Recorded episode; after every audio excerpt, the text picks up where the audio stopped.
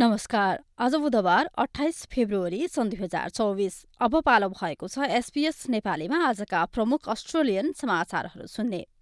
प्रसङ्ग सुरु गरौं भिक्टोरियाको डडेलोबाट।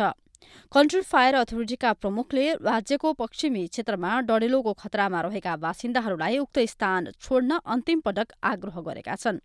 उक्त क्षेत्रका मानिसहरूलाई विनाशकारी अवस्था आउने चेतावनी सहित केही घण्टाभित्र स्थान खाली गर्न भनिएको हो। एक्काइस हजार तीन सय हेक्टरभन्दा बढी क्षेत्र जलाइसकेको बयनडिनको डडेलो बालाराटको उत्तर पश्चिम क्षेत्रतर्फ फैलिरहेको छ। तीस डिग्रीभन्दा बढी तापक्रमसहित अस्सी किलोमिटर प्रति घण्टाको दरको वेगमा आउने हावाहुरीका कारण डडेलो अझै फैलिने अनुमान गरिएको छ।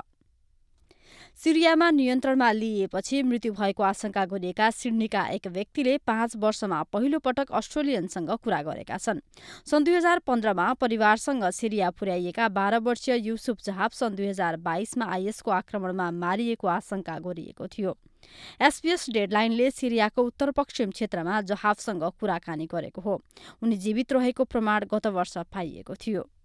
स्वास्थ्य मन्त्री मार्क बटलरले निजी स्वास्थ्य बीमाको प्रिमियमलाई बढाउन ढिलाइ गरेको र डङ्कली क्षेत्रको उपनिर्वाचन सकिनलाई पर्खिएको भन्ने दावीलाई अस्वीकार गरेका छन्। प्रिमियम रकम कतिसम्म बढाउन मिल्छ भन्ने बारे घोषणा गर्न लेबरले उपनिर्वाचन पछिको समयलाई पर्खिएको दुई अस्ट्रेलियनले रिपोर्ट गरेको छ। नेशनल अस्ट्रेलिया ब्याङ्कले चर्चित गायिका टेलर स्विफ्टका कन्सर्टहरूले अस्ट्रेलियाको अर्थतन्त्रमा करिब तीस करोड़ डलर लाभ भएको अनुमान गरेको छ। गत सोमबार स्विफ्टले एराज टुरको आफ्नो सिडनीको अन्तिम कार्यक्रम सम्पन्न गरेकी थिइन् र यससँगै सिबिडीमा मानिसहरूले उनका कार्यक्रम भएका चार दिनको अवधिमा गत महिनाको तुलनामा बीस प्रतिशत बढी खर्च गरेका छन्।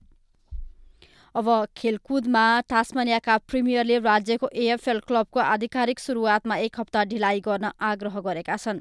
क्लबले मार्च अठारमा आफ्नो नाम रङ लोगो र फाउन्डेसन जम्परको अनावरण गर्ने भनी फेब्रुअरीको सुरुवात बताएको थियो। प्रिमियर जेरेमी रक्लिफले क्लबको बोर्डलाई लेखेको पत्रमा चुनावको नजिक क्लब सुरु गर्दा राजनीतिकरणबाट बस्न लगभग असम्भव हुने बताउँदै मिति सार्न आग्रह गरेका हुन्।